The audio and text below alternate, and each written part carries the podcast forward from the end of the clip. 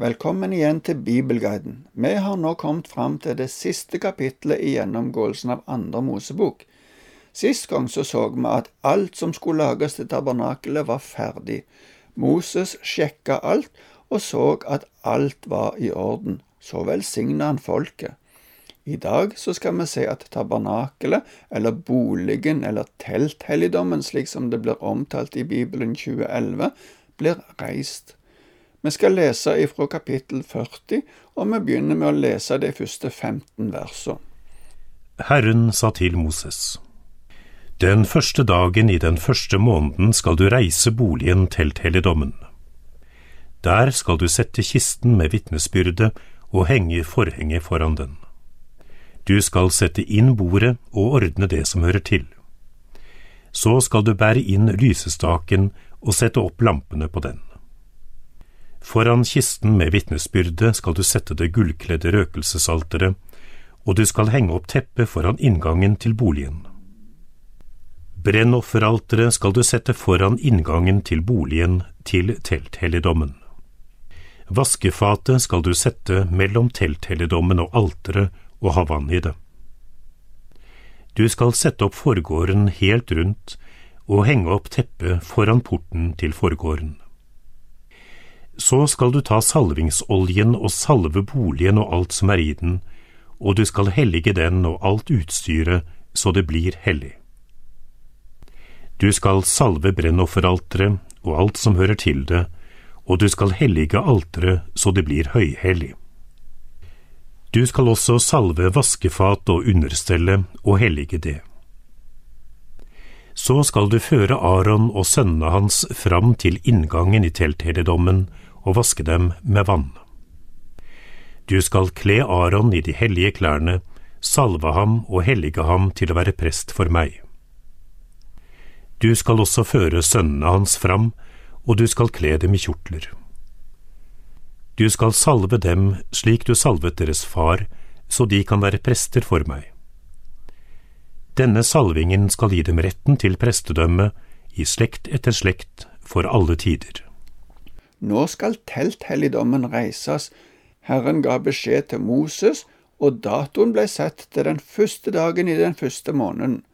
Det hadde gått ni måneder siden de kom til Sinai, og det mangla to uker på at det hadde gått ett år siden de feira påske i Egypt før de drog ut derifra. Moses fikk beskjed om hvor de forskjellige delene skulle stå. Det hadde òg blitt sagt i første omgang, men her blir det gjentatt. Innerst skulle kista med vitnesbyrdet stå, det er paktkista. Utenfor den skulle de henge opp det teppet som skulle skille mellom det hellige og det aller helligste.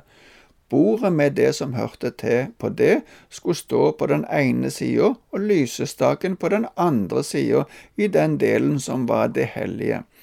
Rett innenfor forhenget som skilte mellom det aller helligste og det hellige, skulle røkofferalteret av gull bli plassert. Etter at de hadde plassert disse tingene, så skulle de henge opp det teppet som var ved inngangen til det hellige. På plassen foran telthelligdommen skulle alteret for brennofferet stå. Mellom dette alteret og teltet så skulle de plassere vaskefatet. Alt skulle gjøres helt klar med olje i lampene og vann i vaskefatet. Etterpå skulle de foreta en seremoni med salving av teltet og alt utstyret. Det skulle gjøre helligdommen til høyhellig, står det i teksten vår. Det er et uttrykk som innebærer at det skulle være hellig på en helt spesiell måte, hellig av det helligste.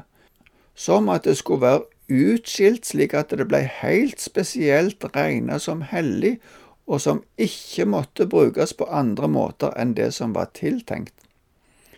Det neste var å gjøre prestene klare til den tjenesten som de skulle ha. De skulle vaske seg, så skulle de kle seg, og så skulle de bli salva. Denne salvinga ga de rett til prestedømme. Moses gjorde dette som Guds representant. Han gjorde alt til punkt og prikke etter det som Gud hadde sagt. Og så leser vi videre fra vers 16 til 33. Moses gjorde i ett og alt som Herren hadde befalt ham. Den første måneden i det andre året på den første dagen i måneden, ble boligen reist. Det var Moses som reiste den. Han satte soklene på plass og reiste plankene, la inn tverrstengene og reiste søylene. Han bredte teltet ut over boligen, og ovenpå det la han dekke slik Herren hadde befalt Moses. Så tok Moses vitnesbyrdet og la det i paktkisten, satte bærestengene i og la soningsstedet som lokk på kisten. Han satte kisten inn i boligen og hengte opp forhengsteppet slik at det dekket for kisten med vitnesbyrdet, slik Herren hadde befalt Moses. Han satte bordet inn i telthelligdommen på nordsiden av boligen, utenfor forhenget. På det la han brødene til rette for Herrens ansikt, slik Herren hadde befalt Moses. Lysestaken satte han i telthelligdommen rett overfor bordet, på sørsiden av boligen. Han satte opp lampene for Herrens ansikt slik Herren hadde befalt Moses. Det gullkledde alteret satte han også i telthelligdommen, foran forhenget. Han brente velluktende røkelse på det, slik Herren hadde befalt Moses. Så hengte han opp teppet foran inngangen til boligen.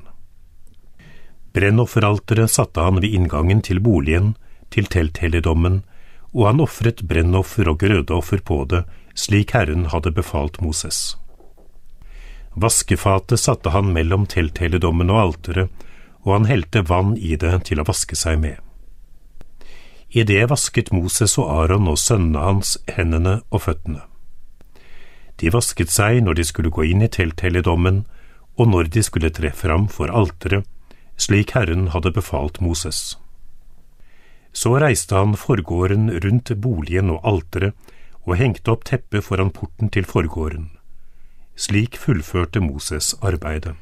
Moses gjorde alt nøyaktig slik som Gud hadde sagt.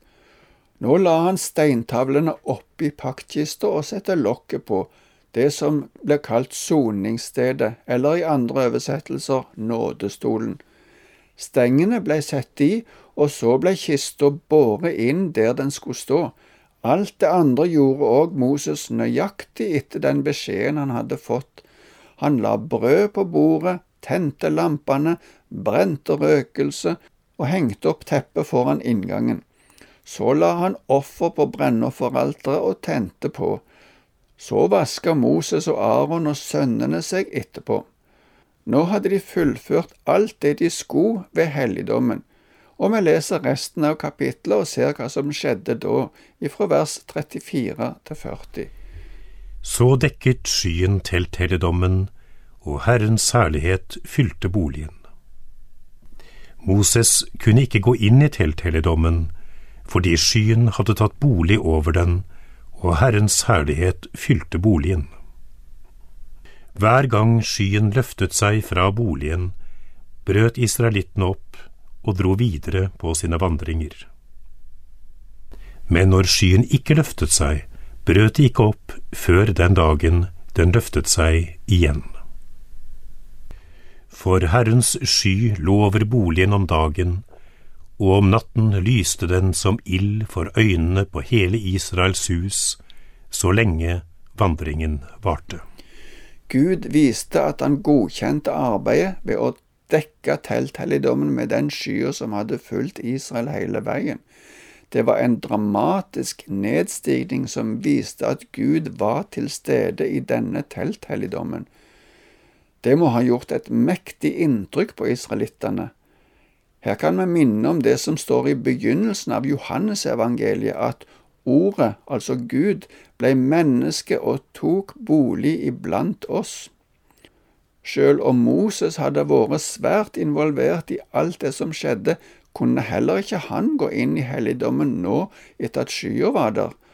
Fra nå av var det her skya holdt seg. Når den løfta seg, var det et tegn på at Israel skulle dra videre. Skya kalles Herrens sky. Kanskje vi skulle ha brukt litt mer tid til å sammenligne Israels vandring og tekstene fra andre Mosebok med den vandringen som en kristen har. Men til slutt så vil jeg bare minne om noen punkter der vi kan hente inspirasjon fra andre Mosebok. Israel levde i slaveri i Egypt, og vi er òg av naturen under synden som slaver. Gud ser, Gud hører og Gud vet om vår sak, slik som han gjorde med Israel, og Gud steig ned for å frelse Israel. Gud steig ned i vår situasjon, han blei mennesket Jesus som ordna frelsen for oss. Lammets blod var et tegn for Israel til å unngå den siste domshandlingen i Egypt. Vårt påskelam er Jesus som døde for at vi skulle gå fri. Ved Sivsjøen opplevde Israel en umulig situasjon, men Moses sa at Herren skal stride for dere, og dere skal være stille. Det gjelder fremdeles. Herren går foran, og han strider for sitt folk for meg og deg. Herren ga Israel manna og vann ifra klippen. Jesus sa at han er livets brød og livets vann. Dette kan og bør vi ta til oss jevnlig.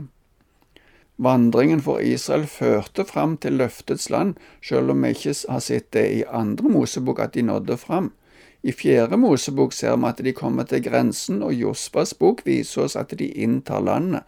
Men vi har et annet land som vi er på vei til, der alt er bare godt.